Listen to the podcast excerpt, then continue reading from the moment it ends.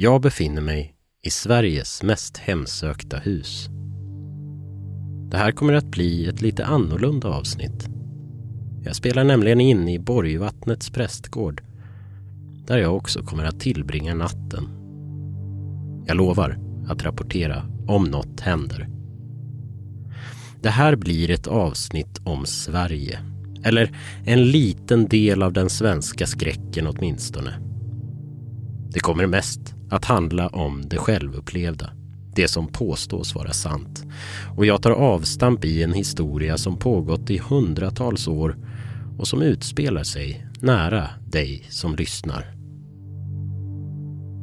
Enligt en purfärsk studie utförd av SOM-institutet vid Göteborgs universitet tror 21 procent av alla svenskar att det idag finns personer som kan samtala med döda. Enligt studien är det fler kvinnor än män som tror att paranormala förmågor existerar. Dessutom kan man se mönster gällande tron på det okulta och politiska åsikter. Väljare som tillhör den traditionella högern är oftare skeptiker. Men däremot är det vanligare bland sverigedemokratiska väljare att tro att människor kan ha övernaturliga förmågor. Sebastian Lundmark, som är en av forskarna bakom studien, säger i ett pressmeddelande Internationell forskning har antytt att det ibland finns samband mellan upplevt politiskt utanförskap och benägenheten att tro på paranormala förmågor likt de vi inkluderar i undersökningen. Att i synnerhet personer som sympatiserar med Sverigedemokraterna är något mer benägna att tro än övriga partisympatisörer kan ligga i linje med denna tes då Sverigedemokraterna länge setts som ett pariaparti i Sverige. Det finns alltså studier som visar att det är vanligare att alienerade högerkonservativa grupper tror på det paranormala.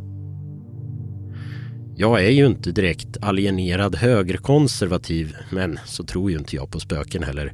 Eller gör jag det? Hur som helst heter jag Albin Boman och det här är säsongsavslutningen av Fruktansvärda monster.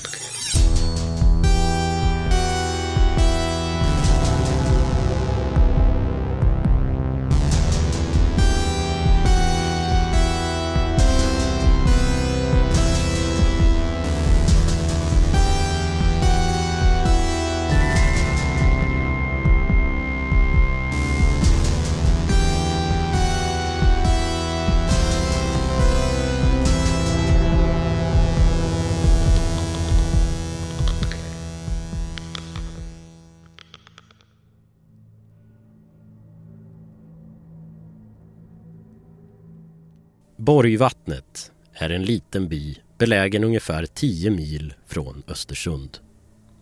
Enligt Wikipedia har serietecknaren Nina Hemmingsson citat anknytning till platsen.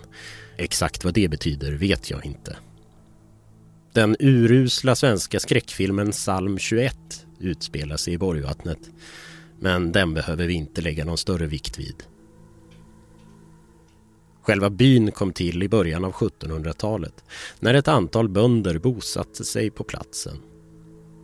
Då kallades den för Borgsjö. 1782 stod kyrkan färdig och ungefär 100 år senare byggdes Borgvattnets prästgård där prästen Per Johan Strindberg flyttade in. Därefter användes huset som bostad för Borgvattnets präster fram till 1948 när kommunister Erik Lindgren flyttade till den nya prästgården som är belägen mer centralt i byn. Flera av de präster som bott på gården har hävdat att de varit med om övernaturliga händelser här.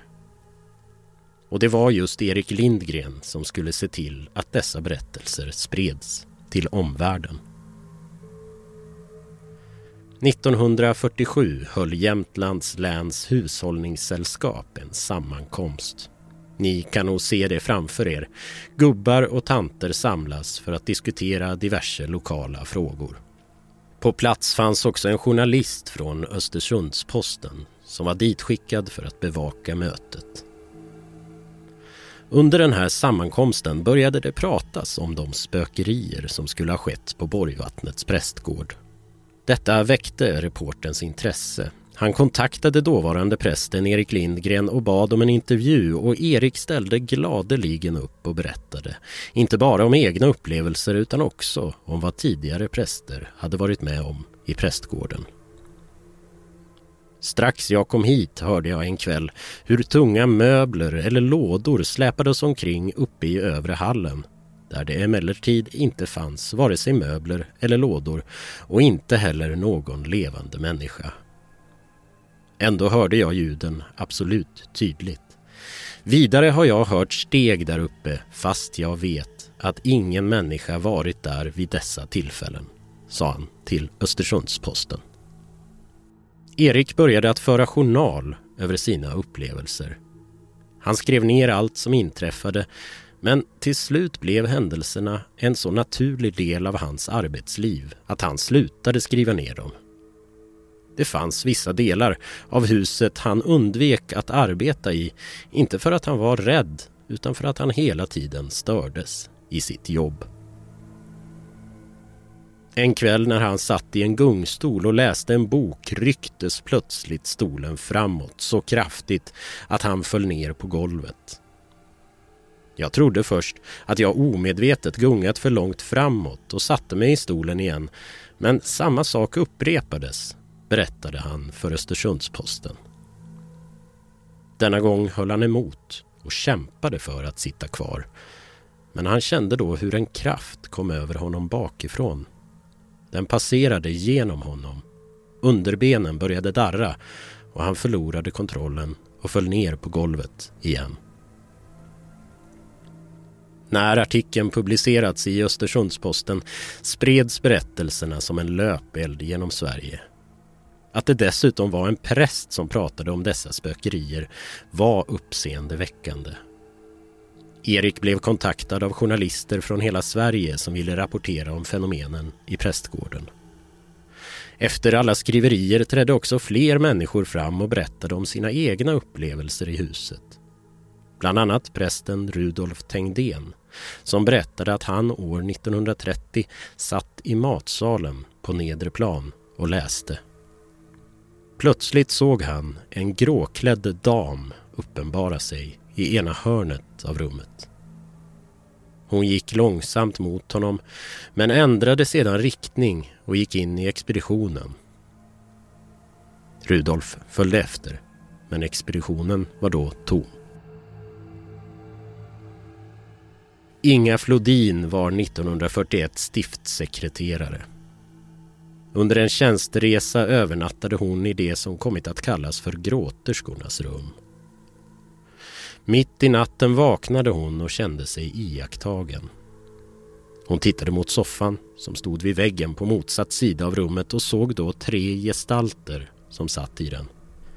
Hon fick känslan av att de stirrade på henne så hon tände lampan och de satt kvar.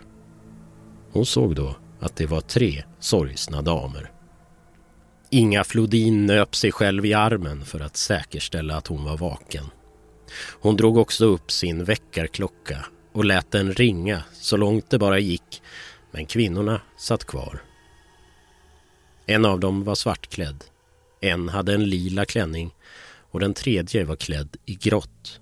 Precis som den kvinnan som prästen Rudolf Tengdén sett i matsalen elva år tidigare. Kvinnan i grått såg särskilt sorgsen ut. Alldeles rödgråten. Men Inga Flodin kände sig aldrig rädd. Hon blev snarare intresserad och konfunderad. Hon fortsatte att titta på damerna en lång stund innan hon till slut somnade om.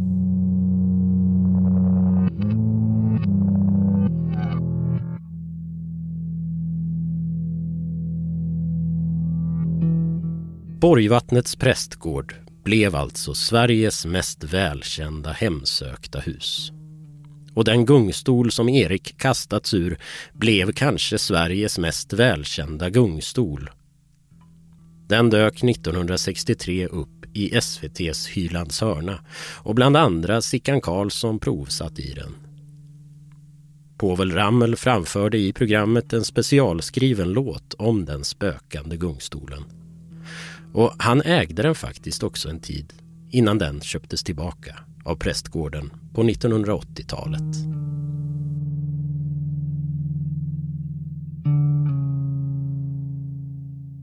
Vem är det då som hemsöker prästgården och varför är platsen hemsökt? Det finns flera teorier om detta, bland annat historien om pastor Per Hedlund som tillsammans med sin fru Märta bodde i huset i början av 1900-talet. När Märta Hedlund skulle föda sitt elfte barn dog hon i barnsäng. Pastorn blev då förkrossad och på grund av att hon dog under vintern förvarade han sin frus kropp i prästgården i väntan på att kärlen skulle släppa.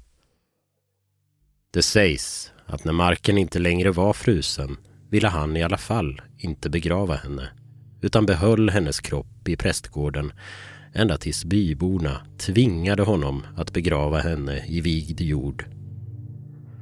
Kort därefter ska han ha flyttat från Borgvattnet. Och det sägs också att han innan han åkte grävde upp sin frus kropp och tog den med sig. Någon borde nog ha förklarat för honom att sometimes dead is better. Det finns även en historia om en piga som vid slutet av 1800-talet arbetade i prästgården. Hon ska ha blivit gravid med den dåvarande prästen. Naturligtvis var detta helt oacceptabelt och för att inte byborna skulle få reda på vad som hänt låstes hon in i ett rum i huset när hennes mage började växa. Hon födde barnet i fångenskap och därefter tog prästen livet av spädbarnet. Den lilla kroppen begravdes alldeles utanför prästgårdens norra kortsida. Och sedan dess ska man i huset kunna höra bebisskrik och kvinnogråt om nätterna. Vissa hävdar också att de har sett en barngestalt röra sig mellan rummen. Det finns mängder av besynnerliga berättelser om detta hus och sedan 1970-talet har allmänheten kunnat övernatta här. Så historien om huset har levt vidare. För några år sedan köpte LaxTon-bröderna, alltså de paranormala utredarna LaxTon Ghost Sweden, Borgvattnet. Det får man väl säga är en fjäder i hatten för professionella spökjägare. Hur som helst blev jag nyfiken på huset och bestämde mig för att själv åka dit.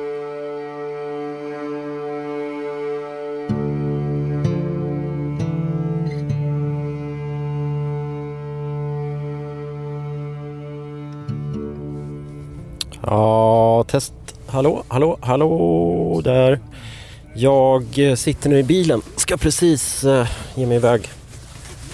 Åka mot Borgvattnets prästgård. Eh, på radio är det eh, Odla i P1 tror jag. Det är en strålande fin dag. Jätte, jättevackert är det. Eh, så det blir nog mysig, mysig väg att köra upp. Jag bor en bit norr om Falun så jag kör längs med Rättviksvägen mot Furudal och sedan vidare åt nordost. Det har äntligen blivit vår på riktigt och solen gassar på den torra och bruna vägrenen. Jag passerar ett och annat torp och övergivna lador och det känns verkligen som att åka rakt in i gammelsverige.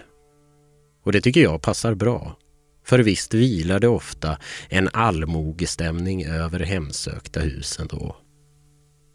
De är ofta urgamla och vackra med hårda kökssoffor, englasade fönster och sprakande vedspisar.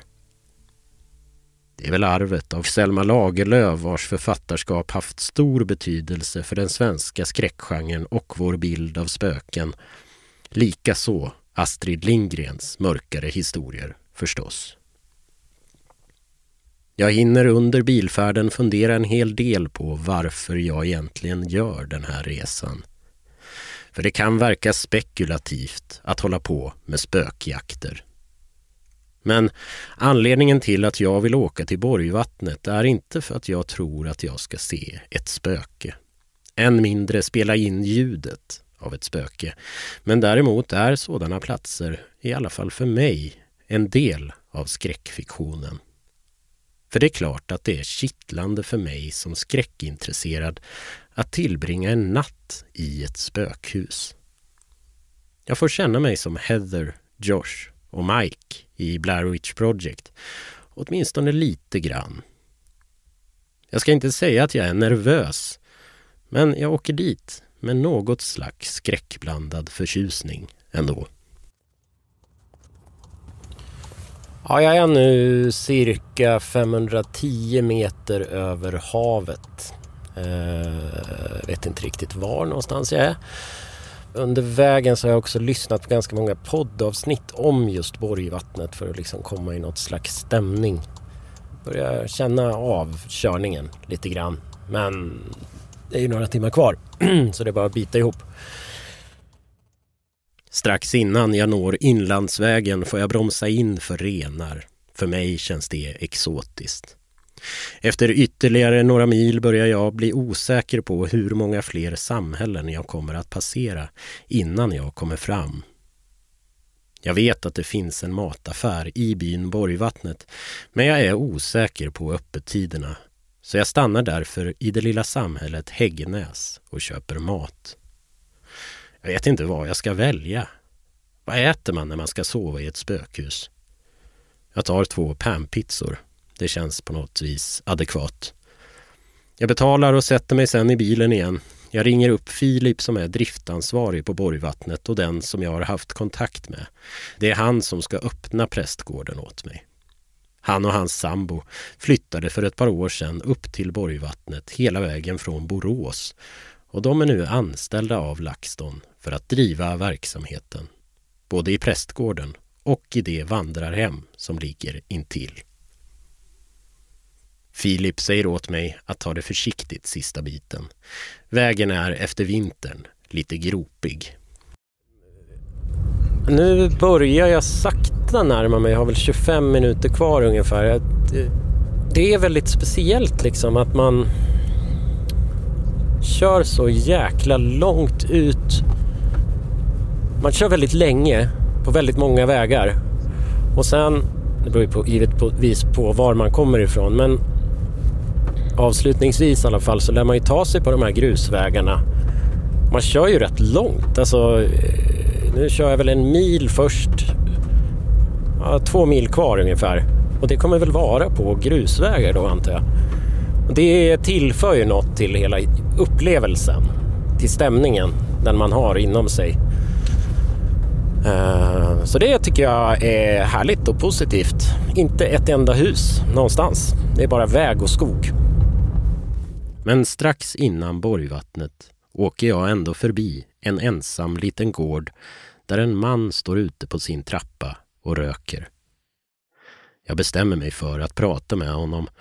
Om jag nu vill känna mig som en karaktär i en skräckfilm måste jag kanske leta upp Harbingern. Ni vet stereotypen som förebådar olycka och varnar karaktärerna för att fortsätta framåt. Det är ofta en äldre man eller kvinna med dålig munhälsa som väser eller skriker att vi alla ska dö. Jag ropar hej åt mannen redan nere vid vägen. Jag vill inte överraska honom. Han hejar tillbaka så jag vågar mig därför upp på hans tomt.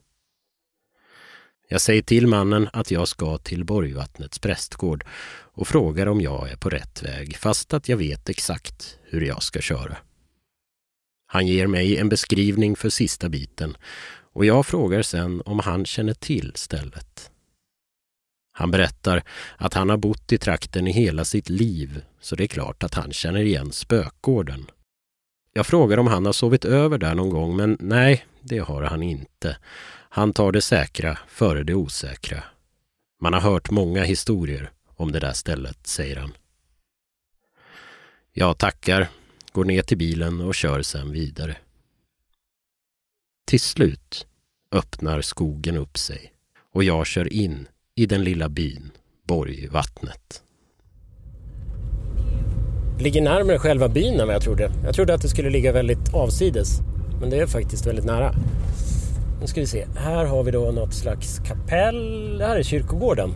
Den har jag hört talas om. Jävlar vad mäktigt. Hit måste jag gå och kolla. Snyggt alltså. Okej. Okay. Åh oh, jävlar. Ja, tack. Jag står här.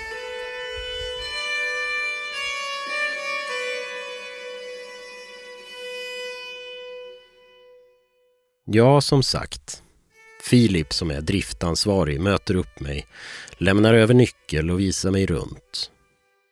Jag frågar om han har sovit här någon gång och det har han några gånger. Han tycker att det är helt okej. Okay. Men vandrarhemmet däremot är han mer tveksam till. Aktiviteten i prästgården är mer behaglig, säger han, medan den på något vis är mörkare i vandrarhemmet. Och om någon ska övernatta ensam brukar Filip föreslå prästgården just av den anledningen. Det kan bli nog så obehagligt där. Han säger att det är ett kompisgäng som har hyrt vandrarhemmet och som ska sova där i natt. Jag ska inte ljuga, jag känner en viss besvikelse över att det finns något värre alldeles nästgårds och att jag inte är ensam. Men jag säger inget. Jag ska inte klaga. Jag har trots allt ett helt spökhus för mig själv. En hel natt. När Filip har visat ägorna åker han hem. Jag är nu själv i tystnaden. Jag tittar upp mot övervåningens fönster och hoppas att jag ska se en rörelse mellan gardinerna men tystnaden vilar orubblig mot trä och sten i Borgvattnets prästgård. Jag går in och upp till mitt rum. Trappan upp till övervåningen är signifikant knarrande.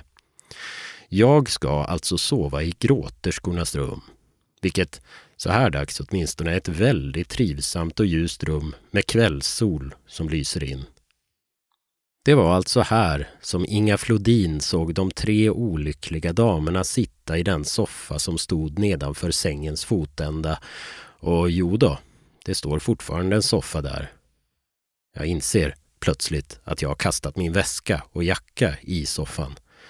Jag flyttar mina prylar till sängen istället. Jag börjar utforska huset. Jag tittar i de andra rummen på övervåningen det gula rummet, det blå och hallen ovanför trappan. Jag försöker att känna in husets stämning.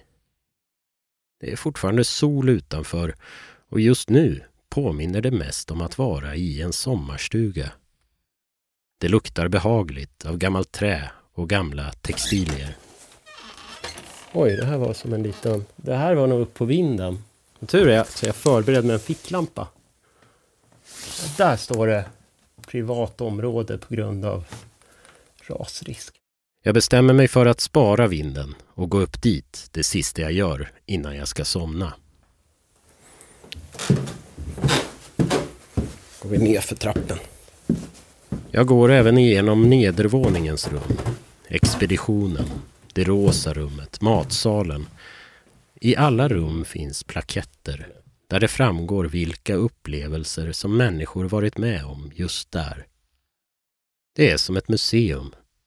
Huset är fullt av gamla möbler, tavlor, krucifix och Jesusavbildningar. Allt för att skapa stämning, antar jag. Men det tar en stund innan jag vågar slappna av och känna mig som hemma. Det känns lite märkligt att flytta på möblerna eller sätta sig i en stol som att jag i så fall stökar till dekoren. Sen försöker jag få tiden att gå. Jag inväntar mörkret. Jag värmer mina panpizzor och sätter mig i gråterskornas rum och äter. Jag slås återigen av hur tyst det är, både i huset och utanför. Vårfåglarna har inte kommit igång riktigt än och man hör inga bilar eller andra motorljud. Jag är så kaxig än så länge, men jag kommer inte vara det sen när klockan blir halv nio och solen går ner. Det börjar skymma poddtips från Podplay. I podden Något Kaiko garanterar östgötarna Brutti och jag, Davva, dig en stor dos skratt. Där följer jag pladask för köttätandet igen. Man är lite som en jävla vampyr. Man har fått lite blodsmak och då måste man ha mer. Udda spaningar, fängslande anekdoter och en och annan arg rant. Jag måste ha mitt kaffe på morgonen för annars är jag ingen trevlig människa. Då är du ingen trevlig människa, punkt. Något Kaiko, hör du på Podplay. Därför är gardinerna. Ja, jag låter kaxig. Men det är ändå en sträng inom mig som har börjat att spännas. När jag plötsligt hör ett knäppande ljud så tystnar jag och håller andan tills jag förstår att det är soffan jag sitter i som låter när jag rör mig. Jag blir lite rastlös. Det är fortfarande väldigt ljust ute så jag passar på att gå ut för att se mig omkring. Jag vill titta på begravningsplatsen och det lilla kapellet.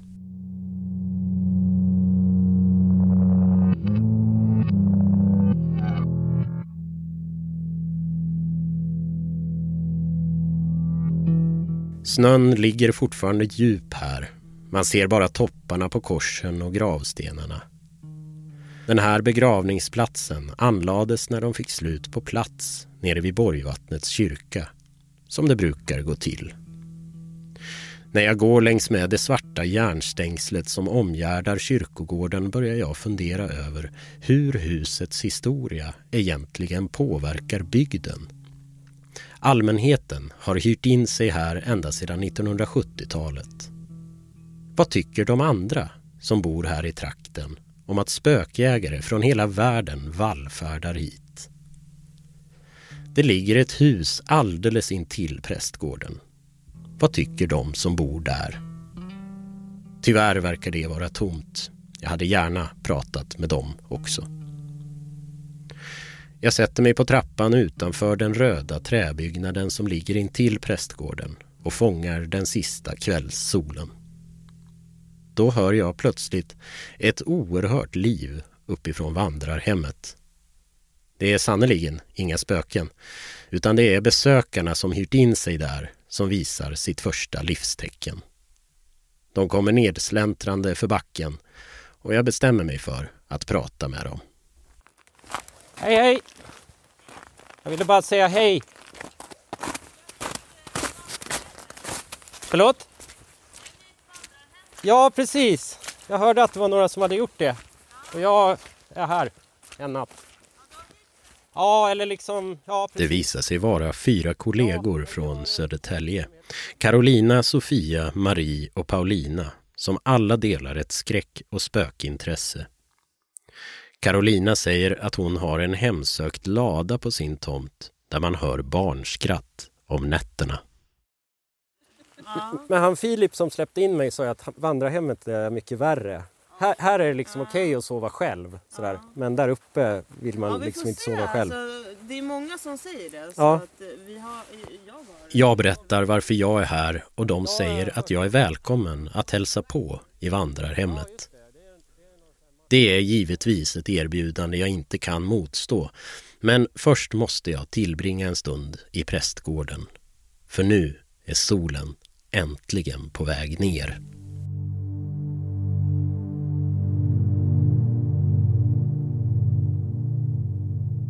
När jag kommer in känner jag att temperaturen har sjunkit sedan solen sänkt sig bakom trädtopparna. Det har redan hunnit bli ruggigt och ljuset har blivit skumt. Skuggorna är skarpare och mörkare. Trätrappan upp till övervåningen har fått hårdare konturer. Det är nu det börjar, tänker jag och går upp till gråterskornas rum. Dittills har det inte hänt någonting som man ens skulle kunna tolka som övernaturligt. Men när jag sitter på sängen med min laptop i knät faller en blodsdroppe ner på tangentbordet. Jag blöder plötsligt näsblod. Allt gick bra. Jag hade en servett i fickan. Det mest dramatiska hittills? Ja, förutom att jag träffar grannarna då. Att jag blöder näsblod är åtminstone väldigt ovanligt förekommande. Och nu händer det i ett spökhus. Jag tänker att det här är något värt att berätta i alla fall. Men varför skulle det vara något speciellt egentligen? Och varför är tanken på hemsökta byggnader så kittlande? Är det på grund av att det har med hemmet att göra? Den plats som vi förväntar oss ska vara trygg men som istället visar sig vara något hotfullt och mystiskt. Är det något av det värsta vi människor kan tänka oss? Att huset där vi bor ska transformeras och bli något annat? Något mörkare och okänt? På den här platsen där jag befinner mig ligger det alltså två spökhus nästan bredvid varandra. Hur kommer det sig? Om vi leker med tanken på att spöken faktiskt finns i både prästgården och i vandrarhemmet, varför finns de just där? Är det något i jorden, i vattnet eller i bergen? För ett hus är ju bara trä, sten, spik och så vidare som har satts samman av människor. Det är vare sig mer eller mindre. Ett hus är ingen egen entitet. Om inga människor hade flyttat hit hade inte de här husen byggts. Men hade det ändå spökat här? Det finns säkert de som säger sig ha svar på dessa frågor som kan verka mer eller mindre rimliga. Hur som helst, hus där det påstås spöka finns ju såklart över hela världen och de har en sak gemensamt. De är omtalade. Det finns berättelser om dem. De fungerar som platsspecifika vandringssägner. Historierna om dem berättas om och om igen för att förundra, skrämma och underhålla. Detaljer läggs till, händelser skruvas upp och vår uppfattning om husen förändras. Vad som är sant är väl egentligen inte det intressanta. För det de bidrar med är spänning till vår vardag. Och det är helt uppenbart att det är något som vi människor uppskattar och behöver. Inte minst visar poddlyssningsstatistiken på det. När jag först läste Duscharna, eller när jag först läste Grottutforskaren Ted, eller Dioneahuset eller ja, liksom när jag först upptäckte No Sleep, nog fanns att jag kände saker då. Det här är en välbekant röst för många och ja, den tillhör journalisten och författaren Jack Werner. Sedan 2015 har han programlett Sveriges Radios skräckpodcast Creepypodden. Varannan måndag lyssnar runt 160 000 människor på avsnitten. Det har kommit att bli en svensk skräckinstitution. Det hela började runt 2012, eller ja, egentligen några år tidigare när det så att säga blev en grej med spökhistorier på nätet. Jack Werner berättar hur han på den tiden bloggade och skrev mycket om diverse företeelser på internet och han lade märke till den här genren av skräck som få utomstående visste om. Här finns det en hel genre av skräck som dessutom är väldigt ja, i alla fall skapar liknande funderingar som Bengt af Klintbergs vandringsägensamlingar gjorde hos mig. Råttan i pizzan, den stulna njuren, glitterspray. Att de hade också fått mig att fundera på vad är det vi egentligen berättar när vi berättar.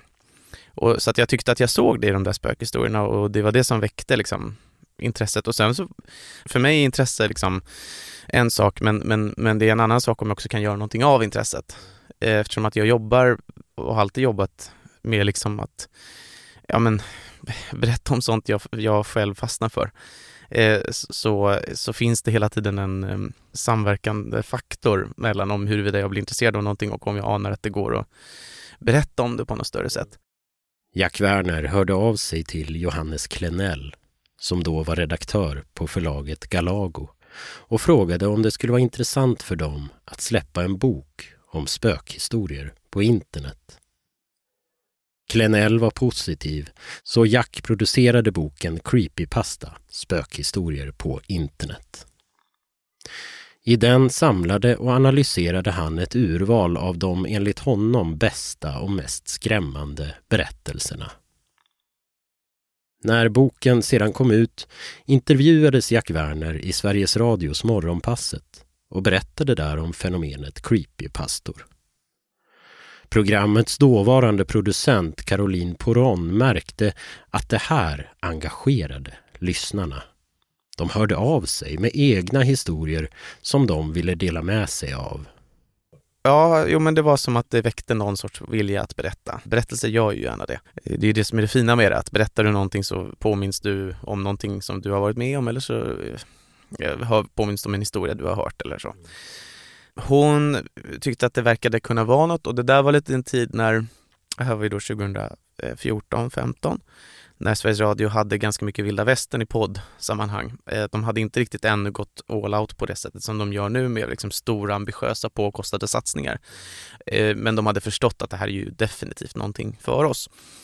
Så det fanns väldigt mycket olika, ganska ja, högt och lågt liksom eh, blandade poddar på Sveriges Radio. De, det var som att de lite bara kastade ut saker och såg om det fastnade på väggen. Fastnade på väggen så fortsatte de, gjorde det inte det så pff, då la de ner det ganska osentimentalt. Så då var det som att hon sa, är det här något vi, ska vi bara göra liksom fem eh, avsnitt, fem, tio avsnitt och se vad det blir av de fem, tio avsnitten. Och sen så blev det ganska snabbt av någonting. Alltså det kändes som att de lyssnarna som kom räckte och det engagemanget som fanns räckte.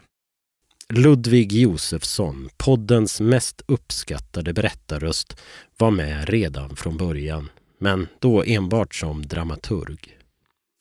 När de fick en beställning på 35 avsnitt till säsong 2 gick han också in som producent. Den andra säsongens avsnitt släpptes veckovis, men från och med 2017 har Creepypodden kommit ut varannan måndag utan uppehåll. Hittills har de inte missat ett enda avsnitt eller behövt reprisera ett gammalt. I podden blandas inskickade historier med material som Jack Werner hittar på nätet. Creepypastor från bland annat 4chan och Reddits underforum No Sleep. Jack Werner säger att podden uppskattningsvis består av ungefär 60 procent inskickade lyssnarberättelser. Och det där vet jag att folk har lite olika känslor om. Eh, det är ju så om man har en podd med 100, vad det nu är, 60-70 000 unika lyssnare, att eh, det kommer vara helt omöjligt att, att tillfredsställa alla och det får man ju bara, det är liksom, man får resignera eh, och acceptera det, att det kommer inte gå. Men jag gör ju alltid mitt bästa för att Alltså, jag jobbar alltid efter utopin. Eh, utopin. Idén är alltid att lyckas med det omöjliga och tillfredsställa alla. Eh, och det får man göra då genom den här blandningen som är liksom att här har vi någonting långt och välskrivet i det här avsnittet och då får vet jag att då måste vi ganska snart ha någonting med lite kortare, mer vardagliga berättelser. Den här blandningen, liksom, att det hålls liv i den. Dessutom har Jack Werner ytterligare en ambition med podden. En linje som han vill följa, säger han. Något som han ser ett värde i nämligen att tillhandahålla en plattform för oetablerade författare. Jag upplever att det finns ju inte någon publiceringsplattform eller liksom mötesplats eller vad den vill kalla det i Sverige för liksom amatörförfattat material. I alla fall ingen som har den här typen av reach, som har 160-170 000 eh, konsumenter. Förr i tiden så fanns det ju, om du skri hade skrivit ihop en liten historia kunde, skick, kunde du skicka den till, alltså självupplevd eller inte, så kunde du skicka den till eh, en veckotidning som hade ofta den typen av läsare mängd, i mängd. Eh, och så kunde det publiceras. Och du kunde liksom komma ut, du kunde faktiskt nå ut eh, till stora mängder människor med en sak du hade skrivit. Och det, det, veckotidningar är inte riktigt där längre liksom. Så att jag tycker att där finns ett unikt värde i i Creepypodden. Och det vill jag hålla i. Och då vet jag att det går lite clinch med liksom att det finns många som vill att eh, Creepypodden ska vara eh, som det var de första tio avsnitten, 10, 15, 20 eller hur man, vad, vad man nu tycker i poddens gyllene period, där det var väldigt mycket mer eh, psykos, eh, Getmannen, lägereldskänsla är det många som efterlyser. Och sen när man frågar vad menar du med lägerhetskänsla så får man ganska ofta väldigt skiftande svar. Alltså då kan de plötsligt, den ena kan hålla fram något av John Ajvide Lindqvist som är så höjden av på något sätt en författare har skrivit en skräckhistoria. Någon annan kan komma med en Fortran historia och säga precis att det är här. Så att, så att det, det svåra är ju liksom att tillfredsställa vad som är en, en, en, helt, en, en önskan med helt uppenbart olika innebörd beroende på vem som uttrycker den eh, och att eh, få ihop det med liksom vad jag själv också tycker numera att jag vill göra, vad jag tycker poddens största värde ligger i. Creepypoddens lyssnarsiffror är ganska konstanta, säger Jack Werner. Man kan se en liten ökning. Det är allt oftare 170 000 lyssnare de veckorna när de släpper nya avsnitt. Och så länge det inte minskar märkbart ser inte Jack Werner någon anledning att ändra konceptet. Folk får väl rösta med fötterna i så fall, säger han. Ett annat sätt att ta del av feedback är genom den lyssnarstyrda Facebookgruppen Creepypodden Eftersnack och givetvis i poddens egna sociala medier. Jack Werner säger att han är väldigt mån om att det i de olika sociala kanalerna ska vara okej okay att rikta kritik mot poddens upplägg och innehåll. Motsatsen skulle kännas osunt och bara förleda honom in i tron att han har gjort något bra även om lyssnarna skulle vara missnöjda, säger han. Jag har ett kul exempel på en människa som ganska länge så kommenterade att det här är uselt, det har verkligen blivit sämre, det är verkligen påtagligt. Och något tillfälle, tillfälle skrev han att, eh, om det senaste avsnittet då, att det här var eh, mycket helt värdelöst och eh, de senaste 40 avsnitten har också lämnat mycket att önska. Eh, och du vet, att ha någon som lyssnar så ivrigt, så här, 40 avsnitt i ett år, ett drygt år, det är ett och ett halvt år. Ja, Varannan vecka har man satt sig ner och bara igen, skit! Och så har man lyssnat på det som har skrivit, ja det där var ju skit som väntat liksom. eh, du, den, när jag då har, när jag liksom ibland möter det, då får jag liksom titta lite grann på lyssnarsiffrorna och säga de är, ser ut att vara ungefär som de var. Men å andra sidan, hur många är han? Ja, hur många är hatlyssnar för att de en gång tyckte att det var bra och nu bara är så besvikna att de vill få vatten på sin, det, var, det här har blivit dåligt nu kvarn. Så att, åh, det är, jag har väldigt svårt att avgöra. Jag, och jag har också svårt att avgöra själv egentligen på förhand om folk kommer tycka om ett avsnitt eller inte. Mm. Jag ja, kan tycka, ja, jag. Men, men kan ni se något liksom gällande ämnen eller sådär, vad folk gillar? Ja, ja från, lys nej, från lyssnarsiffror är det inte, det, där, där slår det igenom egentligen först senare. Man märker att, att vissa avsnitt äh, återvänder till folk till oftare. Eh, och det är ju någonting som samlas ihop halvårsvis, eller man kan, alltså att man tittar halvårsvis och säger att aha, avsnitt 180 si och så har liksom, det ligger på topp ett, hur många, hur många lyssningar det har fått på sistone och då anar man ju att så här, hit har folk återvänt för att de tyckte om det. Ämnesmässigt, jag antar att den bästa avsnittet, den bästa historien enligt många skulle liksom vara en händelserik så här, äh, skogsvandringsberättelse äh, där någonting getmansliknande skulle eh, dyka upp och det skulle vara berättat på ett väldigt informellt sätt, alltså ganska lite beskrivningar, ganska mycket händelser. Så att jag tror, tänk liksom en eh, jag berättad, jag upplevd, eh, med andan i halsen, liksom lägereldshistoria om någonting som hände någon i förrgår i en mörk skog. Det tråkiga med de där historierna är att de är repetitiva, de är inte särskilt, det finns liksom inget djup att tala om, utan det är just bara så här, det hände med en grej, blablabla. Så. Det är svårt för mig att avgöra om det är liksom särskilt bra på förhand. Och vad jag försöker göra då är att hitta någonting som har de där kvaliteterna men, men kan tillföra någonting eller, kan, eller att det exekveras på en viss höjd, liksom stilistisk eller, eller liksom, eh, att det finns några bilder som sticker ut. För mig kan det räcka att en historia innehåller en eller två bilder som jag tycker är liksom så pass gastkramande eller tjusiga eller, eller oväntade. Så att jag måste alltid, måste ändå alltid försöka hitta den där just övre, övre liksom detaljen.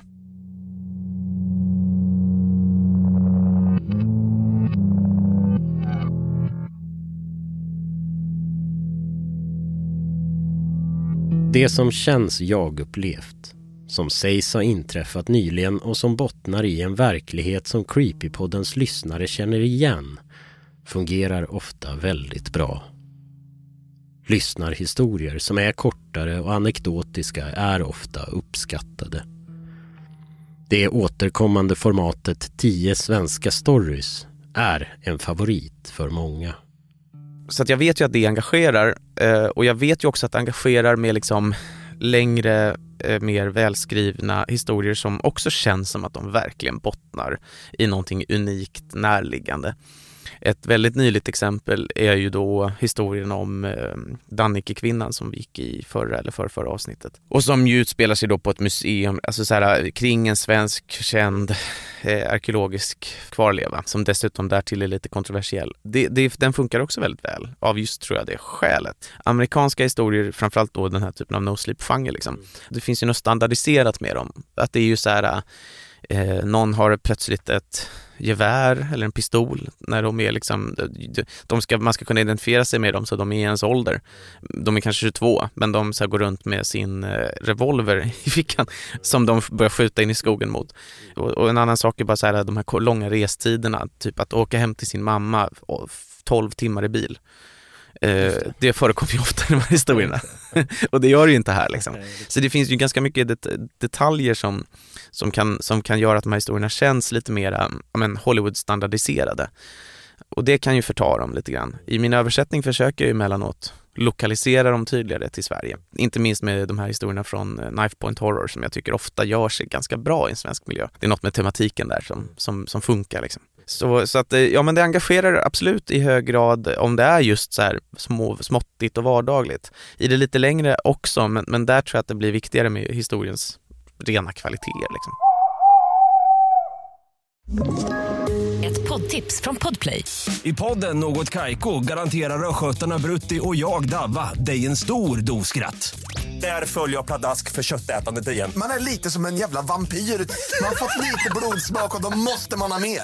Udda spaningar, fängslande anekdoter och en och annan arg rant. Jag måste ha mitt kaffe på morgonen för annars är jag ingen trevlig människa. Då är du ingen trevlig människa, punkt. Något Kaiko, hör du på Podplay. Därför är gardinerna.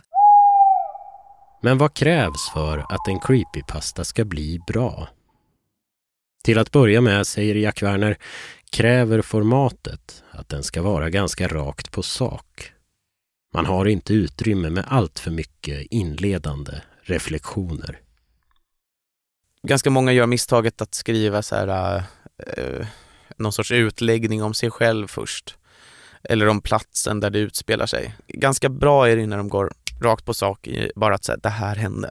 Jag tycker också att bra historier ska ha en, vad jag brukar kalla för inre logik. Och med det menar jag att det är ganska lätt för en nybörjare att skriva en skräckhistoria som en typ av samling med läskiga saker staplade på varandra jag gick hemifrån, jag såg någonting eh, märkligt i skogen, det började springa efter mig. Eh, jag tittade bak och såg att det sprang på alla fyra men det hade ett huvud som var uppåtvänt. Jag kom hem och jag öppnade dörren och så tittade jag mig i spegeln och då såg jag att det blödde i mina ögon. Men det kändes inte som jag, alltså du vet så här, läskig sak efter läskig, bild efter läskig bild. Men som, där, där ingenting egentligen hänger ihop. Det finns ingen förståelse eller antydan om varför det där drabbar just jag, berättaren. Vad det är, vad det bottnar i, varför, varifrån det kommer.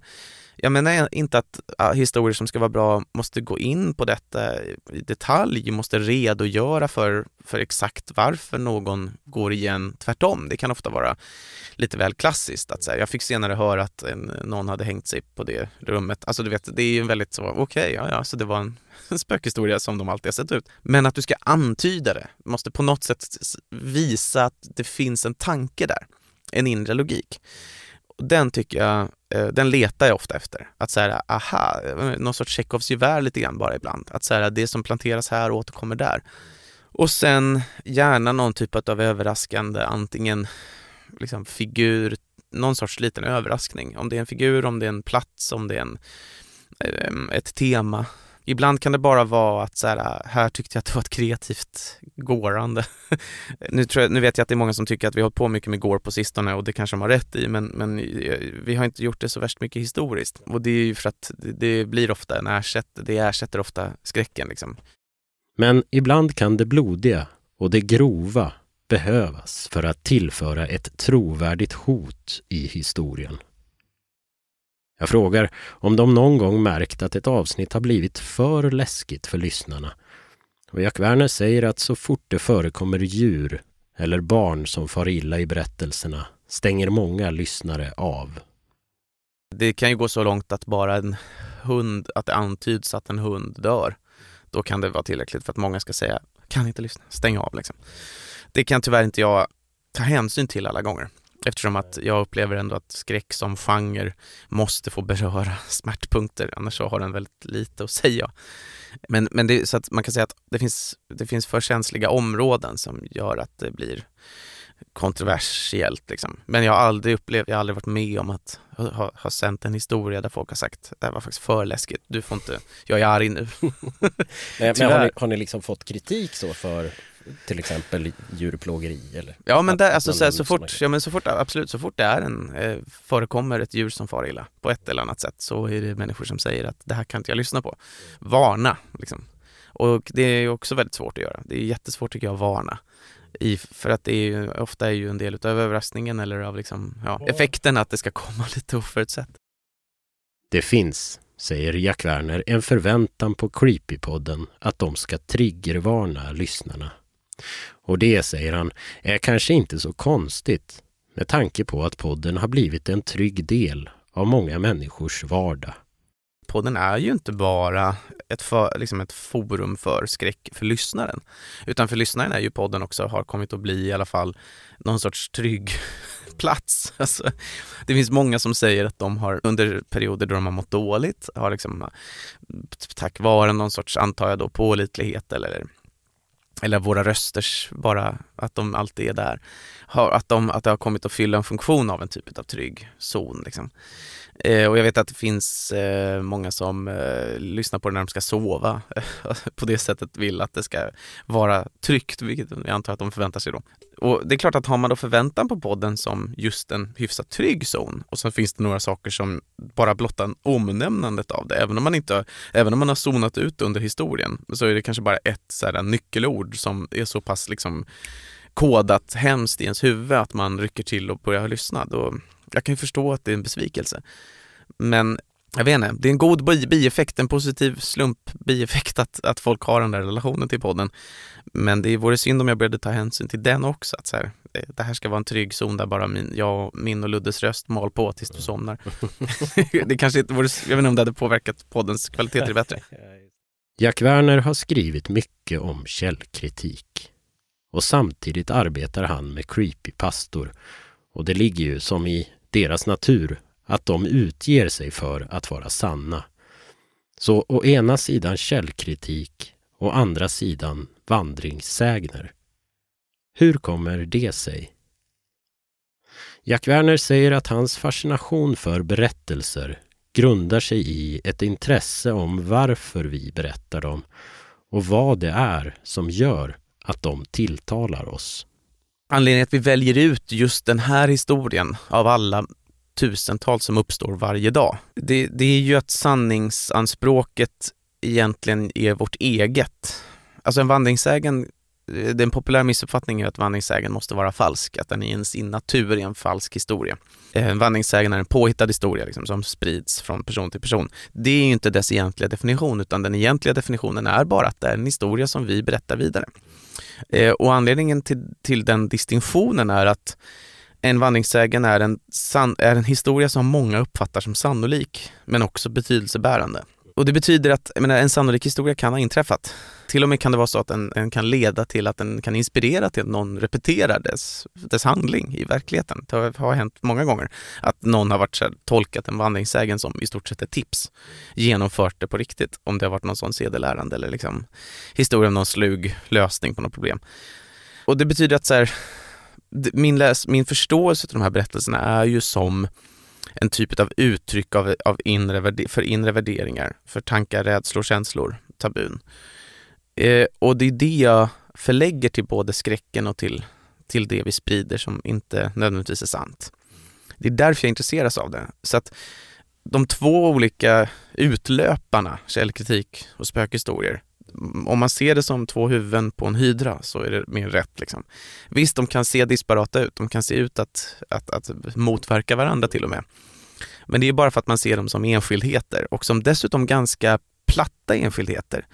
För då ser, betyder det att man tolkar skräck som eh, någonting osant som eh, bara är till för att frammana en primitiv reaktion och källkritik bara som någon typ av eh, revisorsartad liksom, röd penne aktivitet där man ska så här, stryka under det som factually inte är sant. för mig är båda de där två någonting helt annat. Det handlar ju återigen om att förstå oss och att förstå hur vi beter oss kring berättelser.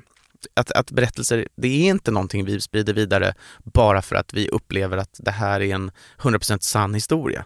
Utan det är tvärtom så att vi, vi sprider vidare de berättelser vi tycker ger oss möjligheten att berätta om någonting vi själva tänker på utan att behöva säga det rakt av. Det är mycket roligare att berätta en historia än att säga jag tycker XYZ. Liksom. Även om då historien egentligen uttrycker precis samma värdering. Så att nej, det är, inte, det är inte så konstigt som det låter. Det är tvärtom, tycker jag själv, väldigt logiskt att, att få ihop de här två.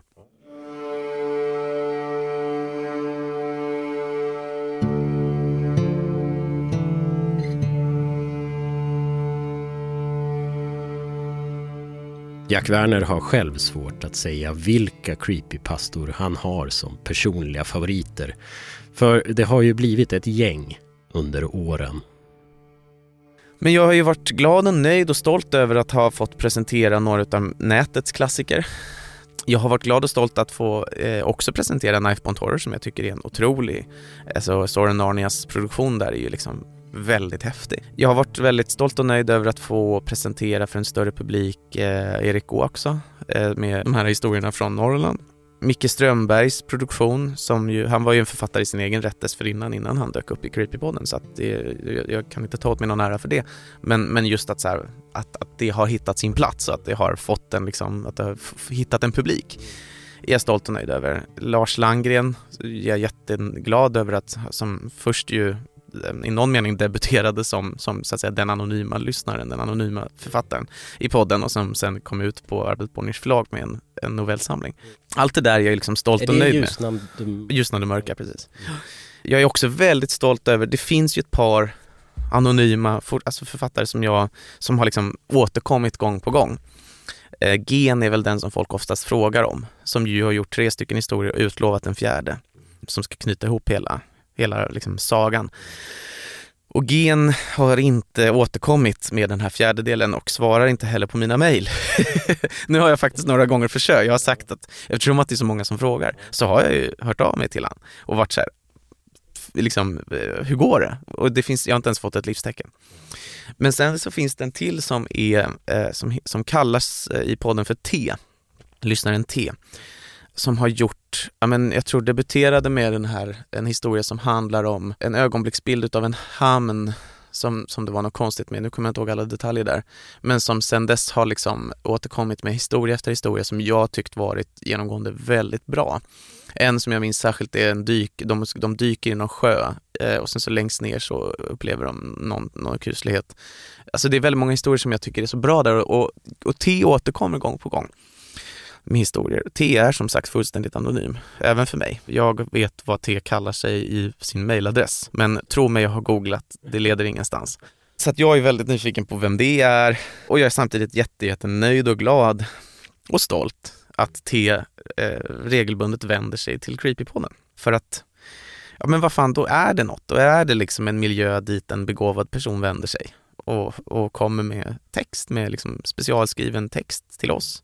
Och det är otroligt, det är en jäkla lyx. Va- Varför tror du att Creepypodden har blivit så stor som den har blivit? Aventur och timing delvis. Som sagt, vi började 2015. Det var inte så att vi var totala pionjärer inom poddar, men det var, eh, det var en tid då liksom tillväxten var ganska stor. Precis skulle börja bli väldigt mycket större. Det här just att ha så här en, en podd som var någon typ av berättande. Eh, det fanns liksom inte riktigt någon sån. Så att, eh, på det sättet tur och timing. Och sen tror jag att det handlar mycket om relationer också. Att så här, nu efter så här många år så är det oundvikligt så att folk har en relation till, till våra röster eh, och eh, vill höra dem liksom, regelbundet. Det finns en anledning att återvända som är rent relationell. Liksom. Jag vet inte, jag upplever ju att som redaktör är jag hit and miss. för att jag lyssnar på vad folk säger och de säger att det är hit and miss. Men jag antar att eh, det måste vara tillräckligt okej för, att, så, för att sådär många ska hänga kvar. Ja. Liksom. Eh, Blygsamt. Ja, nej, men jag vet inte fan. Alltså, jag tror att det, det handlar jättemycket mer om relationen Mm. och, om, eh, och om turen och tajmingen faktiskt. Mer än vad många lyssnare själva förstår, tror jag. Eh, en, en fråga om just pålitlighet. Jag tror att just det här att vi kommer ut varannan vecka, come rain, come sunshine, liksom. Varje natt till, var, varje natt till varannan måndag, jämna veckor, eh, så kommer liksom ett avsnitt. Och den där pålitligheten tror jag också kan betyda något. Så ja, jag, jag kan inte riktigt ta åt mig så mycket av det. Jag tror det handlar om andra faktorer.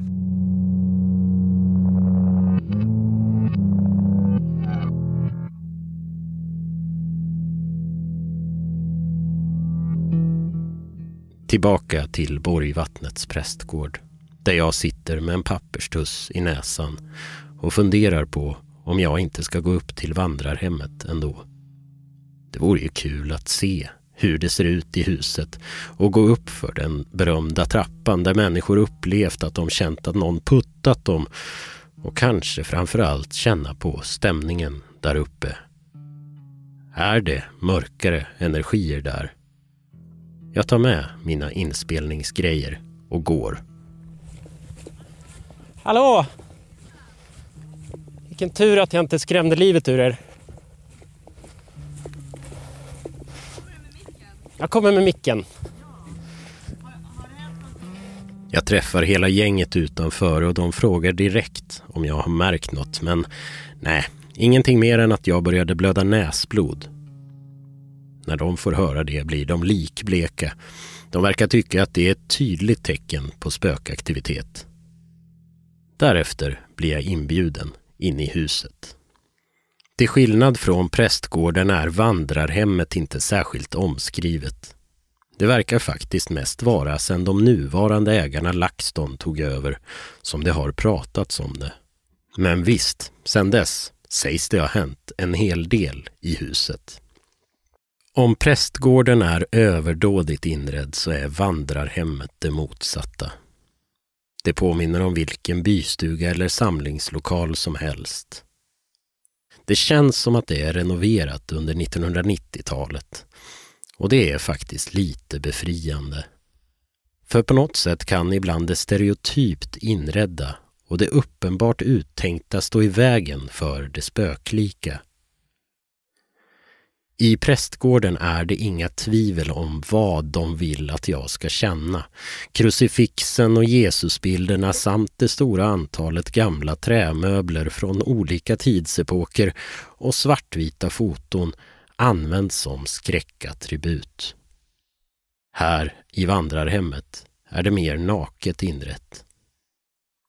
Gänget visar mig runt i rummen och vi går upp för trappan till övervåningen. Det är svårt att känna något speciellt när jag snabbt rör mig genom huset men visst, det är något slags instängd känsla på övervåningen. Lite tryckande på något vis. Vi går ner och sätter oss en stund i vardagsrummet och pratar. De visar att de har gjort ett eget ouija-bräde, eller som anden i glaset med bokstäver skrivna på papper. De har redan haft en seans, men då hände ingenting. Alltså, uppsättning. Ja. Ja, kolla, wow. Och den här hittar vi i det här huset. Jaha, Du okej. kanske vill köra lite i din prästgård? Jag vet inte om man kan Nej, inte. göra det så. Jag känner snart att det är dags för mig att gå ner till prästgården igen. Det är snart mörkt ute och vägen ner till huset kantas av täta granar och jag vill inte snubbla på vägen hem. Så jag tackar för mig och vi lovar varandra att imorgon berätta om något händer under natten.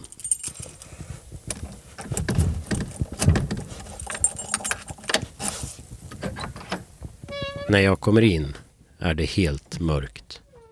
Men jag låter samtliga lampor vara släckta. Förutom i mitt rum och i hallen på övervåningen så att jag lätt ska kunna röra mig mellan våningarna. Nu är strängen inom mig än mer spänd.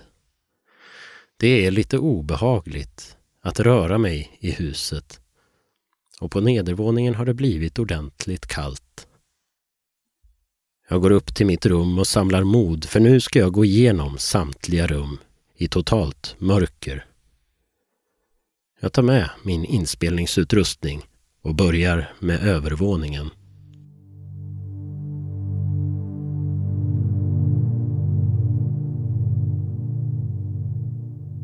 Det, det, det är lite läskigt nu. Jag, jag måste erkänna det. Det är det, på riktigt. Jag vågar inte röra mig snabbt. För jag är rädd för att överraskas av något. Jag stannar vid tröskeln in till varje rum. Låter ögonen vänja sig vid mörkret och inspekterar det som finns där inne noggrant innan jag går in. Samtliga av övervåningens rum är dock stilla och tysta.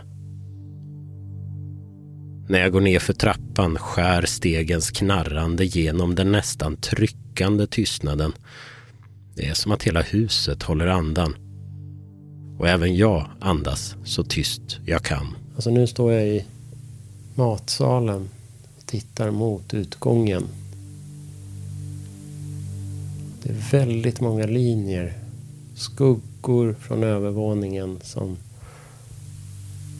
också förvirrar lite grann.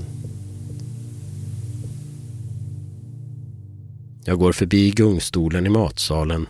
Den står stilla. Och sen fortsätter jag in i den grå damens fotspår mot expeditionen. Jag stannar vid tröskeln och tittar in. I mörkret ser jag bara siluetterna av möblemanget och längst in finns en dörr som står öppen till ytterligare ett utrymme. Det är kolmörkt där innanför. Jag närmar mig varsamt den svarta dörröppningen. Jag tar ytterligare ett steg och låter mig omslutas av det totala mörkret. Ingenting händer, men jag slås av en tanke. I skräckfiktionens found footage-filmer som till exempel Blair Witch Project eller Paranormal Activity finner ofta karaktärerna en trygghet i att fortsätta att filma trots att de utsätts för diverse hemskheter. Och jag förstår dem nu. Att gå genom huset med mikrofon och inspelningsutrustning gör att jag hela tiden har en koppling till min vanliga vardag och mitt vanliga liv. Hur knäppt det än låter så jobbar jag ju faktiskt nu. Jag spelar in för att göra innehåll. Jag tänker alltså hela tiden på podden. Det slutgiltiga testet för att se hur rädd jag kan bli måste ju vara att gå genom huset utan mikrofon. I total tystnad. Så jag går upp till mitt rum, samlar mig en stund lämnar mikrofonen och går sen ut i hallen.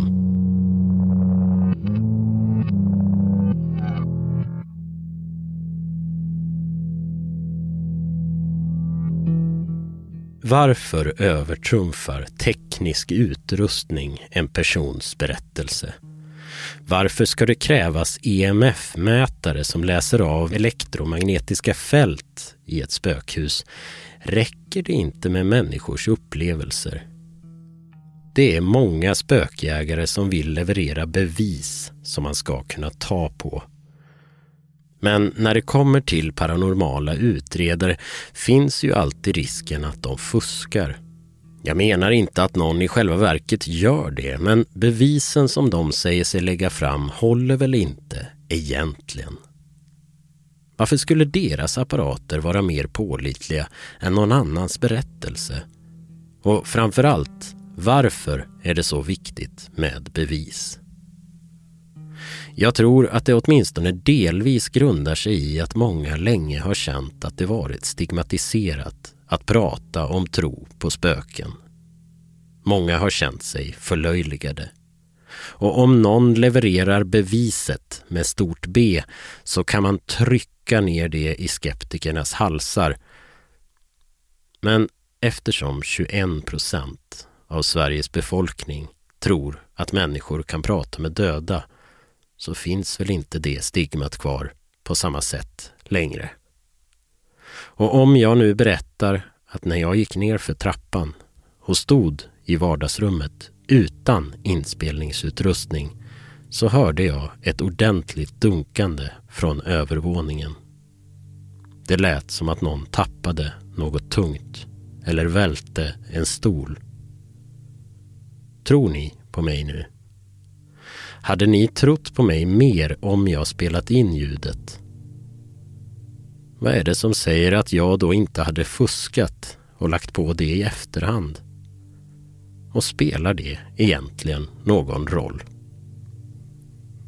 Hur som helst hoppade jag högt av ljudet men jag är van vid gamla hus. Det låter. Det kan banka och slamra och snö kan rasa från taket vilket jag tror att det här rörde sig om. Så jag fortsatte runt på nedervåningen. Till en början var det verkligen mer obehagligt utan mikrofon. Jag kände mig naken och utsatt. Men sen tog jag ett varv till och jag märkte att jag började lära känna platsen, också i nattmörkret. Till slut kände jag mig faktiskt trygg. Som hemma. Det här är min plats nu. När jag kommer till övervåningen igen kikar jag till och med upp på vinden. Det är en vanlig kallvind med isoleringsspån och musbajs. Precis som det såg ut i mitt hus innan vi renoverade. Jag går in till gråterskornas rum, finner ingen anledning att vara vaken längre för det är som att all spänning är borta. Jag borstar tänderna, går och lägger mig och somnar gott. Jag vaknar av ett krafsande och skärande ljud. Det kommer någonstans uppifrån och det låter som att vassa naglar dras över en griffeltavla. Jag tittar snabbt på klockan. Den är 08.30. Solen har gått upp och ett par skator bråkar med varandra på plåttaket ovanför mig. Jag kliver upp, klär på mig och kör upp till vandrarhemmet för att höra hur det har gått för kollegorna från Södertälje. De har också sovit gott. Men Carolina började också blöda näsblod. Det kom direkt efter att jag hade lämnat dem och dessutom hörde hon barnskratt utanför huset på natten. Hade spökbarnen följt med henne hela vägen från ladan i Södertälje? Jag märker att de är lite besvikna över att det inte hände mer men de säger att de samtidigt är nöjda med resan. Det var kul att få se stället. Jag säger hej då till gänget, åker ner till prästgården igen, går upp på övervåningen och hämtar ner min packning. När jag kommer ut till bilen igen kommer jag på att Filip sa att jag skulle lämna rumsnyckeln på sängen och nyckeln ligger fortfarande i min ficka jag suckar över min tankspriddhet och går upp en sista gång till gråterskornas rum. Soffan står där och den är fortfarande tom. Jag lägger nycklarna på sängen och går ner för den signifikant knarrande trappan och ser då att ytterdörren står öppen. Inte helt och hållet, men på glänt. Jag är säker på att jag stängde den efter mig när jag gick in. Jag går mot den och dörren glider då långsamt upp av sig själv.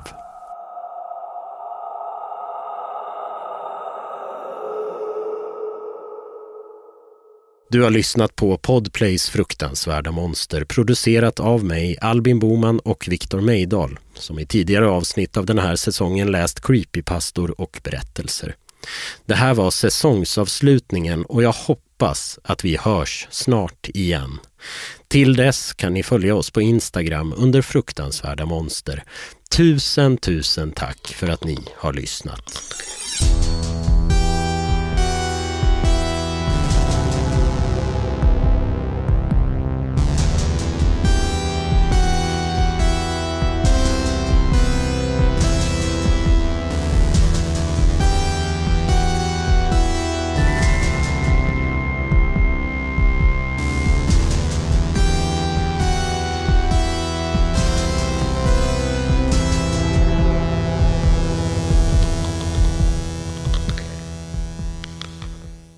Ja men tack och hej då. Hoppas att jag inte störde er för mycket i natt när jag gick runt, runt, runt här. Uh, jag är ledsen att det blev lite skitigt på golvet. Det är väldigt lerigt ute. Och han sa att jag skulle ha skorna på mig. Eftersom... Ja. Oj, här är dörren öppen.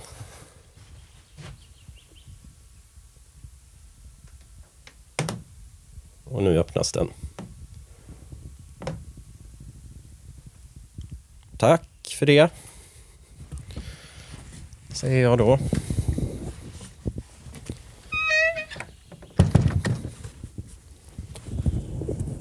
Vad speciellt.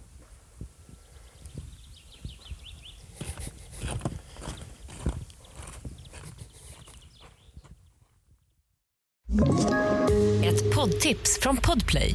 I fallen jag aldrig glömmer djupdyker Hasse Aro i arbetet bakom några av Sveriges mest uppseendeväckande brottsutredningar. Går vi in med hemlig telefonavlyssning och, och då upplever vi att vi får en total förändring av hans beteende. Vad är det som händer nu? Vem är det som läcker? Och så säger han att jag är kriminell, jag har varit kriminell i hela mitt liv men att mörda ett barn, där går min gräns. Nya säsongen av Fallen jag aldrig glömmer på Podplay.